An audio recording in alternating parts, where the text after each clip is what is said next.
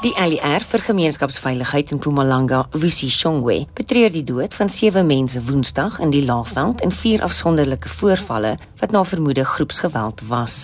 Twee mense is by Mjejan naby Hector Spruit gevind waar hulle in 'n plas bloed gelê het nadat hulle na bewering aangerand is. Nog 3 mense is die aand doodgebrand met hul voertuig sowel as 'n sleepwa wat aan die brand gesteek is.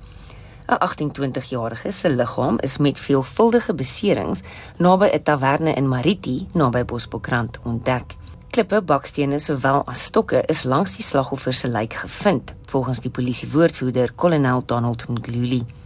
Dieselfde aand is 'n 33-jarige dood na hy erg aangerand is deur 'n groep mense by die Leidenburg taxi staanplek. Volgens Mdluli ondersoek hulle of die twee voorvalle in Mjejan met mekaar verband hou. Police appreciates efforts in instances where community members work hands in gloves with the police to ensure suspected criminals are prosecuted after thorough investigation conducted. However, we strongly condemn incidents where people take the law into their own hands. We encourage people to work with the authorities and utilize structures such as the community police forum. Shongwe moedig mense aan om deel te neem aan strukture soos gemeenskapspolisieering forums om saam met die polisie te werk om misdade te voorkom en om nie die reg in eie hande te neem nie. Hy sê gemeenskappe moet misdaad rapporteer en as informante optree omdat hulle nie opgelei is om verdagtes te arresteer nie.